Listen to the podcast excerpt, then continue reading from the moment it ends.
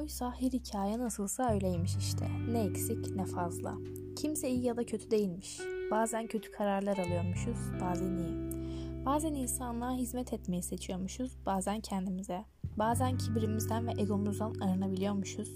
Bazen tutkularımızda, hırslarımızda ve korkularımızda boğuluyormuşuz. Bazen karımızı ve çocuklarımızı unutup genç bir kızla ücra bir mağarada sevişebiliyor.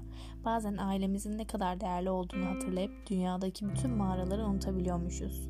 Bazen annemizin bilinçsizce işlediği günahın bedelini ömrümüzün ilk yarısında son damlasına kadar ödeyebiliyor. Bazen de ömrümüzün ikinci yarısında kendimizi yeniden doğurmaya karar verebiliyormuşuz. Müzik